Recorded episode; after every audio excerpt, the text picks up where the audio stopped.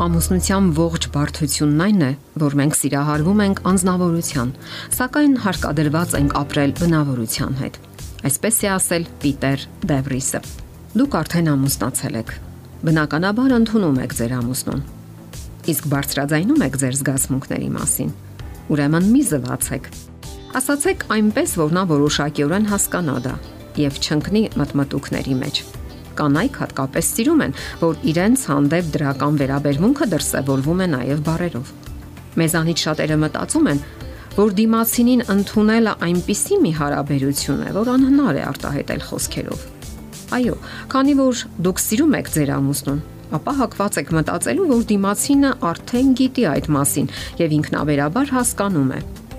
Հասկանալի է, որ ընդունելու ընթացքը սկսվում է մեր մտքերում Սակայն չէ որ ի վերջո դա պետք է դրսևորվի արարքներում եւ ի վերջո արտահայտվի նաեւ խոսքերի միջոցով։ Ուրեմն, բարձրաձայնեք այդ մասին։ Իսկ ինչու մնա ձեր մտքի մեջ։ Ասացեք ձեր ամուսնուն, որ ընդունում եւ սիրում եք նրան, այնպիսին, ինչպիսին նա կա։ Ինչու՞ չասել, որ նա հրաշալի մարդ է, որ հենց նա է, ում մասին երազել եք, ում սпасել եք։ Կարող եք նաև թվարկել այն որակները, որոնք հավանում եք ձեր ամուսնու մեջ։ Անվանեք նաև առանձին որակներ, որոնցով ձեր ամուսինը արդարացրել է ձեր հույսերն ու երազանքները։ Խոսքային այսօրինակ դրսևորումները ամենօրյա կյանքի բաղկացուցիչ մասն են։ Սակայն ասենք, որ դրանք անհրաժեշտ են հատկապես այն ընթացքում, երբ ձեր ամուսինը ինչ որ ձևով վշտացնում է ձեզ։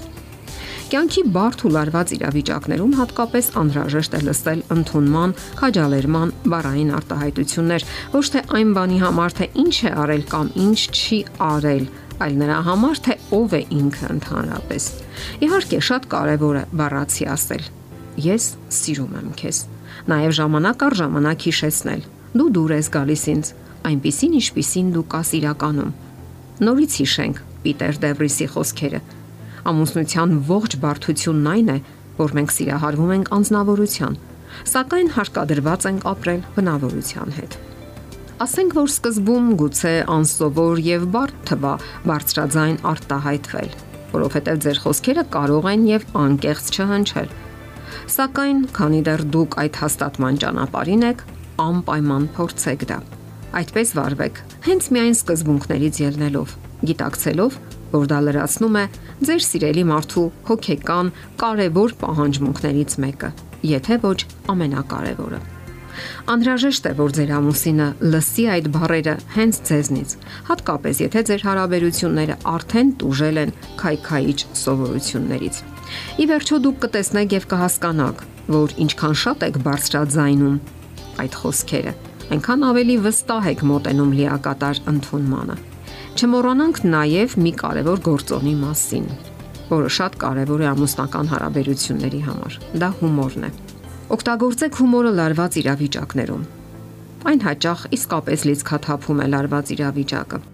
Երբեմն կարող է անհեթեթ թվալ, այդ ինչպես կարող է հումորը կիրառվել լուրջ նյութերի քննարկման ժամանակ եւ այնուամենայնիվ հենց հումորով կարելի ասել որոշ բաներ, որոնք այլ դեպքերում կդժվարանայի ասել։ Այնպես որ պետք չէ թերագնահատել հումորի դերը։ Լուրջ տոնով խոսելով ձեզ նյարդայնացնող որևէ թերության մասին հնարավոր է առաջացնեք ավելորդ խոր լարվածություն։ Իսկ ահա հումորը կարող է լիովին փրկել իրավիճակը։ Եթե դուք ծիծաղում եք նաև ինքներդ ձեզ վրա, ամուսնու հետ միասին, դա եւս մի կարևոր գործոն միջոց է մտնոլորտը լիցքաթափելու համար։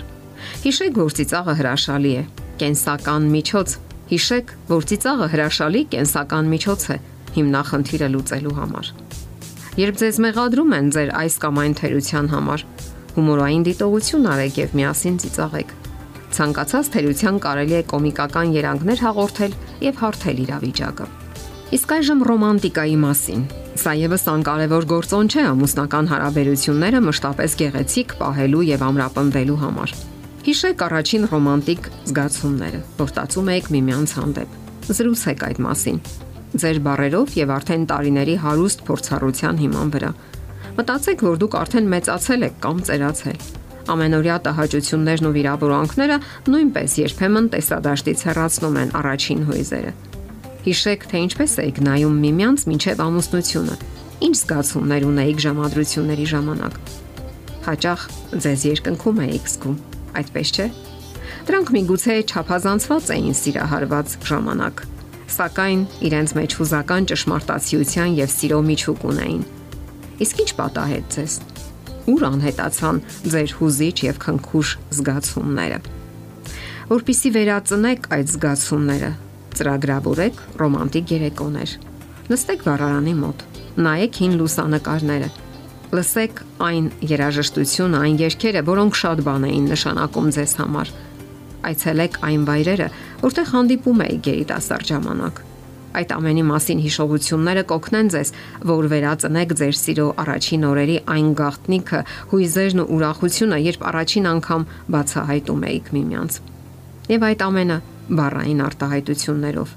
անկեղծ ու սրտից բխած։ Ձեր խոսքերով Եվ այդ ամենը իսկապես կգնահատվի։ Եթերում ընտանիք հաղորդաշարն է։ Ձեզ հետ է Գեղեցիկ Մարտիրոսյանը։ Հարցերի եւ առաջարկությունների դեպքում զանգահարեք 041 08 20 93 հեռախոսահամարով։ Հետևեք մեզ hopmedia.am հասցեով։